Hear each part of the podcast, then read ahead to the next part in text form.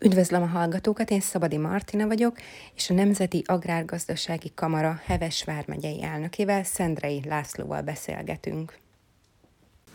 Milyen évet zárt tavaly a Kamara, hogyan tekintene vissza az elmúlt évre, milyen jelentős események és kihívások történtek? Hát a Nemzeti Agrárgazdasági Kamara azt mondhatom, hogy nem rossz évet zárt volna, abban az esetben, hogyha ez az ukrán gabona kérdés évközben nem jelentkezett volna.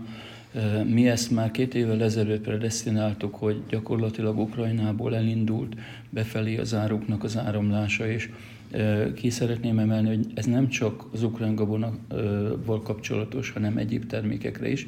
Magyarország most jelenleg mintegy 23 termékre tiltotta meg és zárta le a határát az Ukrajnából behozatalra képes termékekkel szemben. Én úgy gondolom, hogy a gazdálkodók életét nehezítették meg ezzel, hisz gyakorlatilag a termékeink eladhatatlanná váltak, vagy ha eladták is, olyan nyomottáron adták el, ami gyakorlatilag példátlan. Nem beszélve arról, hogy az input anyagárak és az energiaárak az egekbe szöktek, tehát gyakorlatilag a gazdálkodóink veszteséggel zárták sajnos az évet, tehát mindenféleképpen a kamarának egy alternatívát kell hosszú távon biztosítani, mert annak abban senkinek le, ne legyen hiú ábrándja, hogy ez az ukrán kérdés az rövid távon meg fog oldódani, nem beszélve arról, hogy az Unió, Európai Uniós vezetőink szeretnék, hogy teljes értékű taggá avanzsírozzon Ukrajna, és semmiféle feltételnek ez idáig még nem felelt meg. Én úgy gondolom, hogy ez egy felelőtlen döntés, felelőtlen döntés a, a magyar mezőgazdaság számára is. Tehát, de nekünk abból kell főzni, amink van, tehát ö, olyan a maximálisan ki kell hozni azt a lehetőségeket, ami ezen a kis 93 ezer négyzetkilométeren rejlik. Én azt szoktam mondani, hogy Magyarország egy kincses bánya, hisz érintetlen még GMO szempontjából is, nem beszélve arról, hogy az itt lévő gazdálkodóinknak hosszú távon olyan kemény előírásokkal kellett megküzdeniük, és mára már sikerült ezeket leküzdeni, ami arra predestinál bennünket, hogy egy kiváló minőségű élelmiszert tudjunk előállítani. Hisz a kicsiknek és a nagyoknak is meg kell, hogy maradjanak a magyar mezőgazdaságban, és nekünk a kicsiknél egy magasabb feldolgozottsági szintre kell, hogy juttassuk a termékeinket, hisz olyan kiváló minőségű árukat tudunk előállítani, amivel a világon bárhol megállná őket. Ö, ö, magyar földek gyakorlatilag egy példaértékű az egész világon, hisz nincsenek még elfertőzve, és a magyar kormányzat ugye rögzítette azt is, hogy GMO-mentes termelést folytathat csak Magyarország, hála jó Istennek, én úgy gondolom, hogy ez egy kis sziget az Európai Unión belül, tehát ezt a hullámot kellene nekünk meglovagolni, és ezzel kapcsolatban kell nekünk majd olyan lehetőséget biztosítani a gazdálkodók számára, ami, ami gyakorlatilag a világpiacon tart bennünket. Mivel nekünk Brüsszelben és Amerikában is vannak kint embereink, akik föl tudják mérni, hogy igazából mire van szükség a világpiacon, mert egyet vegyünk figyelembe, az egész világ mezőgazdasága átalakul. Tehát az egész világ mezőgazdasága átalakuló félben van, ez nagyon jól több helyről mutatkozik. Oda Afrikába, ahova ez idáig az ukránok szállítottak gabonát, oda az oroszok elkezdtek gabonát termelni, és betörtek, idézőjelbe a piacra, és oda az oroszok kezdtek el szállítani gabonát. Tehát ne legyen hiú ábrándja senkinek arról, hogy az Ukrajnában hosszú távon előállított gabonafélék, azok nem zömében az Európai Unió irányába akarnak landolni.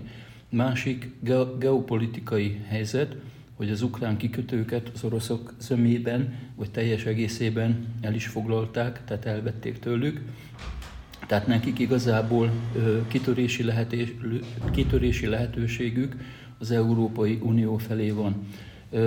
Ez nagyon kapóra jött számukra az Európai Unió, hiszen itt felvevő piacot találtok, és innét ők már nem is akarják tovább szállítani a termékeiket, hisz ha tovább szállítanák, a költségeket úgy meg növelnék, ami számukra is már nem lenne rentábilis. Mivel őnekik semmi előírás és semmi kötelezettségük nincs arra, hogy milyen növényvédőszereket használjanak, én ö, azt mondom, hogy ezáltal nem egyenlő piacon focizunk. Azt szoktam példaként mondani, hogy olyan, mintha összekötnénk a kezünket, lábunkat, és egy futóversenyt kellene egy ép és egészséges emberrel megnyerni. Ez lehetetlen. Tehát nekünk a terület nagyságából is adódóan csak a minőségben van lehetőség, és a nagyobb feldolgozottsági szintben van lehetőség. Nem véletlenül, hogy a most kijött pályázatok zöme, ami mintegy 2300 milliárd forint jött ki pályázat, itt az első fél évben, aminek mintegy 600 milliárd forintot a magyar állam fog hozzátenni. Az öme az az élelmiszer feldolgozóiparra fog koncentrálni. Tehát nagyon fontos, hogy a feldolgozóiparunk világszínvonalú legyen, nagyon fontos, hogy a saját piacainkat, amit elveszítettünk, gyakorlatilag az Európai Uniós csatlakozásnál megpróbáljuk visszanyerni és visszacsábítani, azt tudjuk, hogy a magyar fogyasztó nagyon árérzékeny. Tehát a magyar fogyasztó igazából, mikor leveszi a polcról, az öme nem nézi meg a származási helyet, csak azt nézi meg, hogy mennyibe kerül. Ezt meg is tudom érteni, ahol több gyerekes család van, és a több gyerekes családot meg kell etetni, és az árbevételük nagyon kevés, de most már, hála jó Istennek, azért a, az árbevételek, tehát a fizetések predestinálnak bennünket arra, hogy a magyar termékeket is le tudjuk venni a polcról. Nem beszélve, hogyha a magyar ember több magyar terméket fogyaszt, akkor annak az ára csökkenni fog, ugye mivel többet fog előállítani a feldolgozó, és ezáltal tudja az árat csökkenteni. Tehát ezek apró kis nüansznyi lépések, és mint itt az elején elmondtam, a zöldek támadnak bennünket, hogy a magyar mező, vagy a, a világ mezőgazdaságot teszi tönkre a Föld nevű bolygót. Hát ez egy, ez egy nonsens kijelentés, és azt szoktam mondani, hogy a gazdálkodóknak, gazdálkodóknál senkinek nincs nagyobb érdeke, hogy a termőtalajt, a, te, a levegőt megőrizzük, az évszázadok múlva lévő leszármazottjaink számára, és hogyha ezt mi egy generáció alatt tönkre akarnánk tenni, akkor a jövőnek nem tudnánk mit átadni. Tehát én, én ö, azt mondom, hogy a magyar gazda ö, és a világ összes gazdája, a normálisan gondolkodó gazdák, az mindenféleképpen a legnagyobb környezetvédők is egy, egy, egyben. És azért kérem a lakosságot, hogy helyben előállított élelmiszert fogyasszanak, hisz hogyha itt a karbonlábnyom, ez most nagyon nagy szlogen, hogy ki mekkora lábnyomot hagy maga után, akkor fogunk a legkisebb lábnyomot hagyni magunk után, hogyha 40 kilométeres körön belül lévő élelmiszereket próbálunk beszerezni magunknak, hisz abban az esetben én úgy gondolom, hogy azok a borzasztó szállítási költségek, amit rárakódanak, és nem beszélve arról, hogy azok a környezetszennyező gépjárművek, amiket szállítják ezeket, a, ezeket az alapanyagokat és a feldolgozott termékeket, ezeket kivesszük a láncból. Tehát ezt mi relnek nevezzük, ez a rövid ellátási lánc. Mi ezt szorgalmazzuk, hogy gyakorlatilag a gazda és a fogyasztók között a legrövidebb úton kerüljön az asztalra, akkor árban is a fogyasztó örülni fog, hisz egy lényegesen olcsóbb árat fog kapni, a gazda pedig örülni fog, hisz folyamatosan tudja értékesíteni a termékeit. Itt a kihívásokkal kell majd szembenéznünk, nem elég, hogy itt van ez az ukrán gabona kérdés a nyakunkon.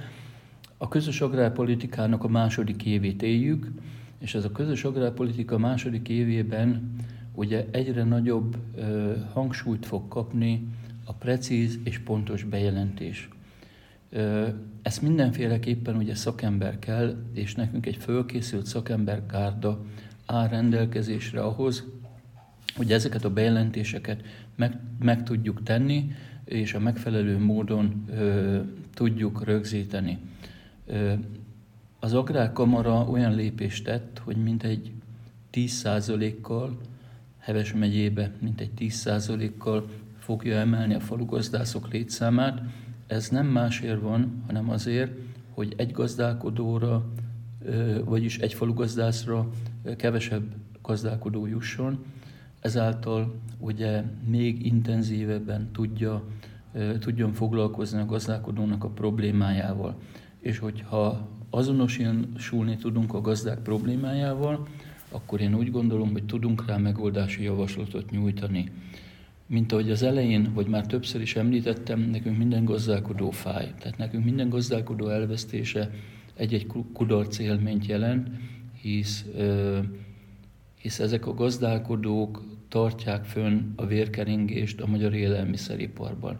Nekünk mindent meg kell annak érdekében tenni, hogy ezek a gazdálkodóink megmaradjanak, ezért is próbáljuk olyan új információkkal felvértezni magunkat és kollégáinkat, ami gyakorlatilag a fennmaradáshoz nélkülözhetetlen és elkerülhetetlen. Tehát folyamatos képzések és meetingek lesznek egyrészt a gazdálkodóknak, másrészt a falu gazdászainak. Nem beszélve arról, hogy mi is itt az első fél évben legalább hat fórumot fogunk itt tartani, ami kimondott a gazdálkodóknak fog szólni. Én arra kérek mindenkit, gazdálkodókat, hogy ö, meg fogják kapni tömeges e-mailbe. Tehát mindenki fog értesülni, hogy mikor és hol veszünk részt ilyen fórumokon. Jöjjenek el, hallgassák meg. Nem beszélve arról mondom, hogy ez a 2300 milliárd forintnak a sorsa, mint egy 69 pályázati jogcímen fog kijönni az első fél évben, és hogyha ezt a első fél évben lévő 69 jogcímet meg tudjuk lovagolni, akkor már úgy gondolom, hogy bentebb vagyunk, és tud működni zöggenőmentesen a magyar agrárium, és megtaláljuk a kilábolásnak azt a lehetőségét, ami most elég elkeserítő módon áll előttünk, mint ahogy látjuk és szembesülünk vele, a német gazdák szembesültek azzal, most nagyon nonsens és nem teljes mértékig igaz, amit mondok, hogy a német gazdák finanszírozzák a saját tönkretételüket, tehát elvesznek tőlük pénzt, ami jogosan járna, odaadják Ukrajnának, majd az ukrán gazdák pedig behozzák Németországba és azt a bizonytalan eredetű élelmiszert, tehát hogyha nagyon, nagyon le akarjuk ö, egyszerűsíteni a képletet, gyakorlatilag azért fizetünk mi uniós ö, polgárok, és ezen belül az uniós gazdák, hogy ellehetetlenítsük a saját gazdálkodásainkat. Hát ez, hogyha csak józan paraszt észre próbáljuk végig gondolni, ez fölháborító.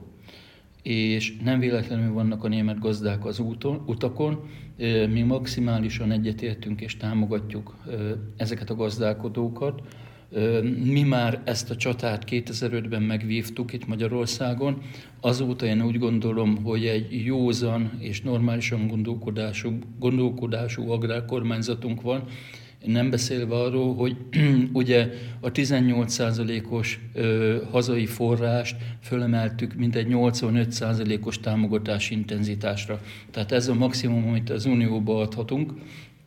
Én úgy gondolom, hogy ettől semmi nem mutatja jobban, hogy fontosak a gazdálkodók a magyar nemzet számára. De mindent meg kell annak érdekében tenni, hogy június 9-én olyan vezetők kerüljenek az Európai Parlamenti Uniós székekbe, akik hozzáértőek, tehát akik nem ö, csak érzelemből politizálnak, hanem észsel próbálják megfogni és fölérni ezeket a dolgokat, hogy gyakorlatilag a gazda, saját gazdasági érdekeinket nem lehet, vagy, vagy fölé nem szabad helyezni más országok gazdasági érdekeit. Most föl akarjuk venni az Ukrajnát teljes értékű tagnak az Unióban. Hogyha végig gondoljuk és megnézzük, akkor az Európai Uniós támogatásoknak mintegy 80-90 százaléka akkor Ukrajnába kellene, hogy menjen. Tehát nem fenntartható ez a helyzet, amit, amit most le akarnak a torkunkon nyomni. Mindent meg kell annak érdekébe tenni, hogy minden egyes lépést és annak a hatásait vizsgáljuk felül. Nem véletlenül megyünk folyamatosan Brüsszelbe, és próbálunk gyakorlatilag egyrészt minél több információt beszerezni, másrészt minél nagyobb nyomást gyakorolni, hogy ezt ne tudják keresztül verni rajtunk.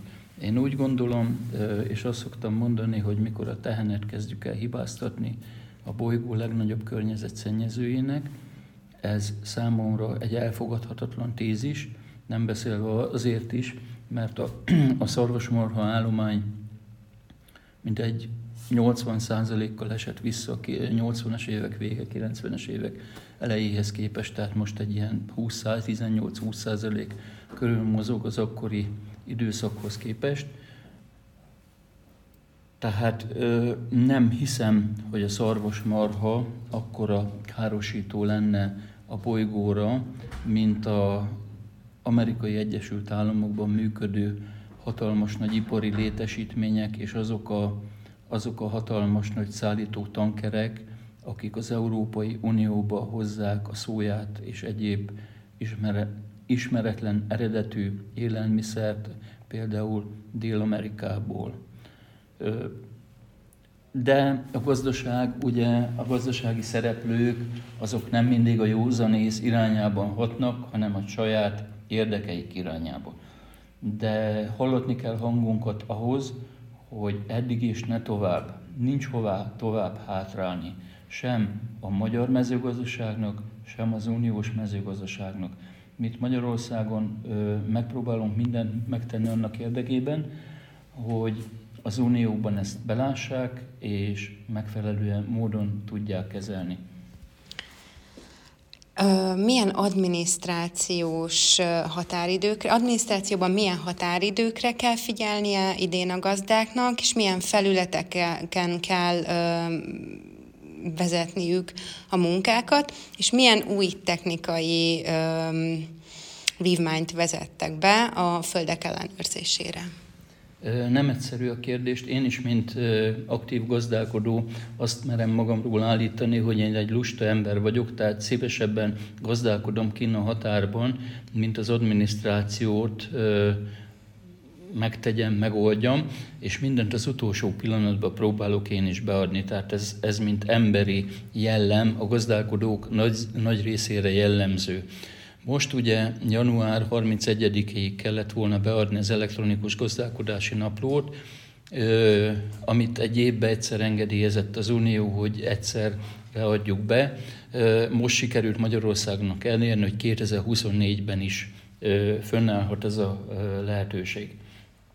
De, mint látjuk, egyrészt maga a felület, annyira instabil, hogy folyamatosan hozzá kell nyúlni a kincstárban dolgozóknak, tehát ezáltal folyamatosan megállítják a felületet és javítják.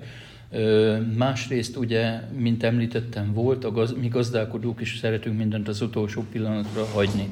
Na most a falugazdászaink feszített munka, munkatempóban dolgoznak és próbálják ö, benyújtani, de már maga a kincstár is érzékelte, hogy ez fizikailag lehetetlen, úgyhogy most adott egy hosszabbítást február közepéig, kell az elektron, elektronikus gazdálkodási naplót kulcsra készen, szépen feltöltve benyújtani.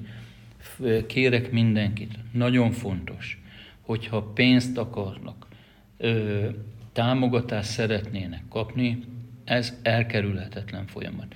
Tehát tegyék meg minden esetben majd májusban újra kezdődik az egységes kérelemnek a beadása, amikor szintén egy felkészült falugazdászi hálózat fog rendelkezésre állni és, és beadni. Harmadrészt ugye, mint említettem volt, elindulnak a pályázatok, már futnak is pályázatok, ezek mintegy 69 pályázati jogcím fog kijönni az első fél évben, már az erdészeti pályázatok ki vannak írva, tehát lehet rá jelentkezni. Én úgy gondolom, hogy akinek módjában és lehetőségében áll, jelentkezzen erre.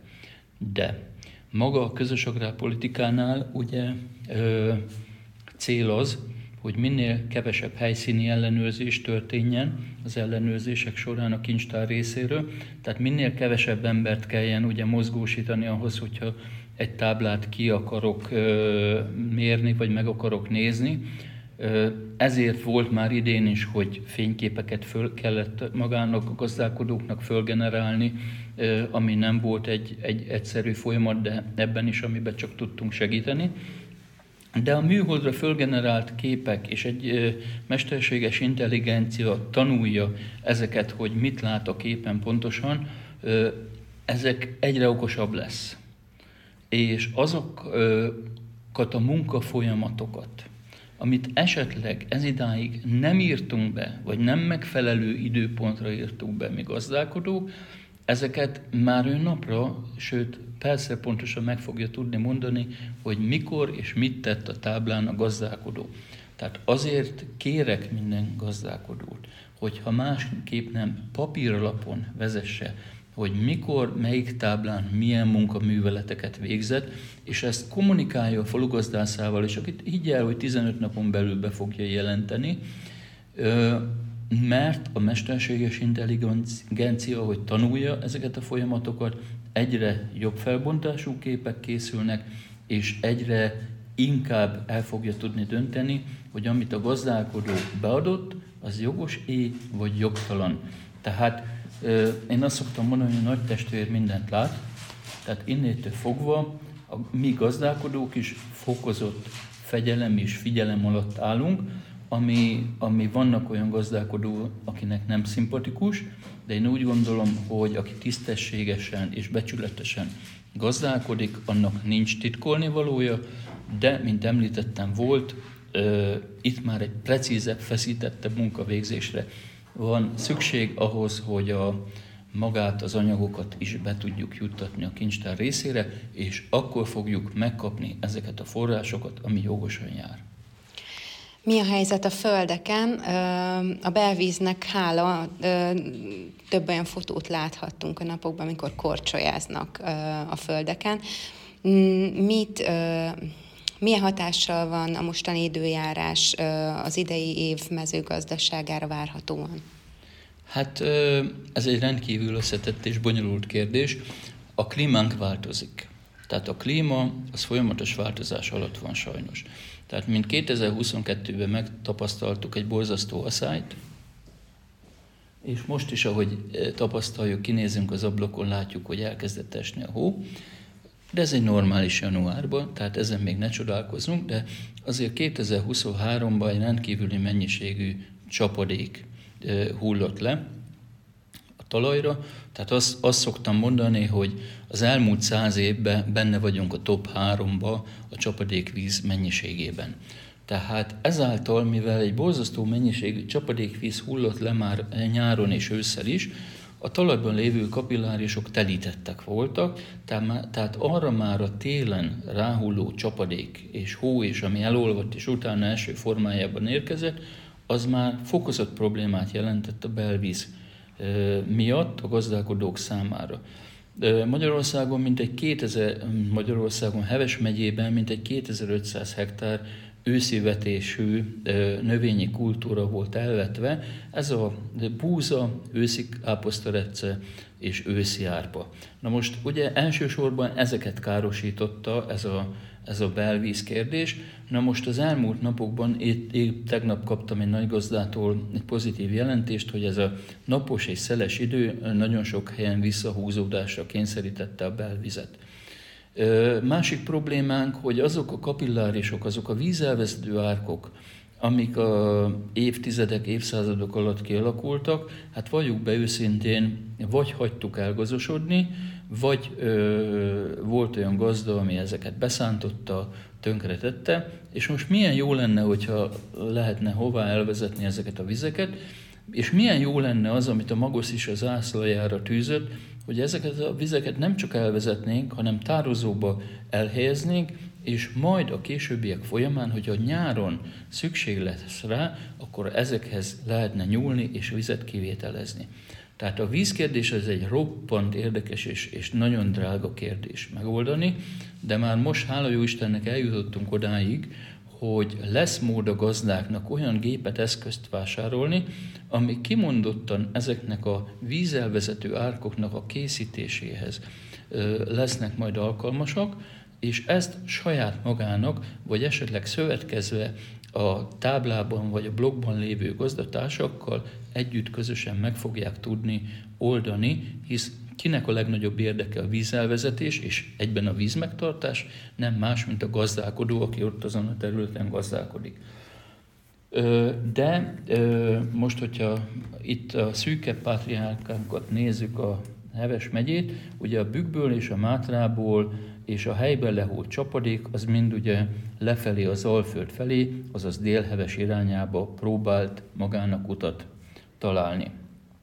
Délről viszont a Tisza és a Tisza víztározója megfogta, és az is annyira föl van duzzadva, hogy már befogadó képessége nem nagyon volt, és a talaj is föl volt gyűlve vízzel. Tehát azt, azt mondom, hogy a legnagyobb problémákat a belvíznél az a délhevesi régióban, ez a P, Kisköre, Tiszanána, Sarud vonalon jelentkeztek, és ott voltak olyan táblák, ami, ami mint ahogy említette volt, egy korcsolya pályaként álltak. Na most arra kérek minden gazdálkodót, hogy ha, ha tavasszal eljön az idő, és fogja látni, hogy ott a növényi kultúra milyen százalékban és hogyan károsodott, ne feledkezzen arról, el arról, hogy neki bejelentési kötelezettsége van gyakorlatilag a kormányhivatal irányába és a szövetkezet úton itt Tegerbe, és be kell jelenteni 15 napon belül, mihelyt észleli azt, hogy ö, milyen kár érte az ő ö, eltelepített növényi kultúráját, ne felejts el megtenni ezt a bejelentést, azért is, mert ez jogvesztő lehet. Tehát, hogy ő kártérítést tudjon kapni, mindenféleképpen jeleznie kell a kormányhivatal felé. Tehát elmondhatom azt, hogy a magyar gazdát több irányból sújtja sajnos a, a sors, mint ahogy a himnuszban is van, a bal sors. Egyrészt a nagyon alacsony felvásárlási árak, másrészt ugye itt az időjárás, harmadrészt ugye egy brüsszeli vezetés, aki nem biztos, hogy jó irányba és szimpatikus irányba vezeti magát az uniót, tehát én úgy mondom, hogy ezt a hármas egységet az időjáráson kívül mind a kettőre van hatásunk, és azért vagyunk itt, hogy megpróbáljuk megoldani, és lehetőségekhez képest a legjobb tudásunk szerint kezelni ezeket az ügyeket. Köszönöm szépen! Hú.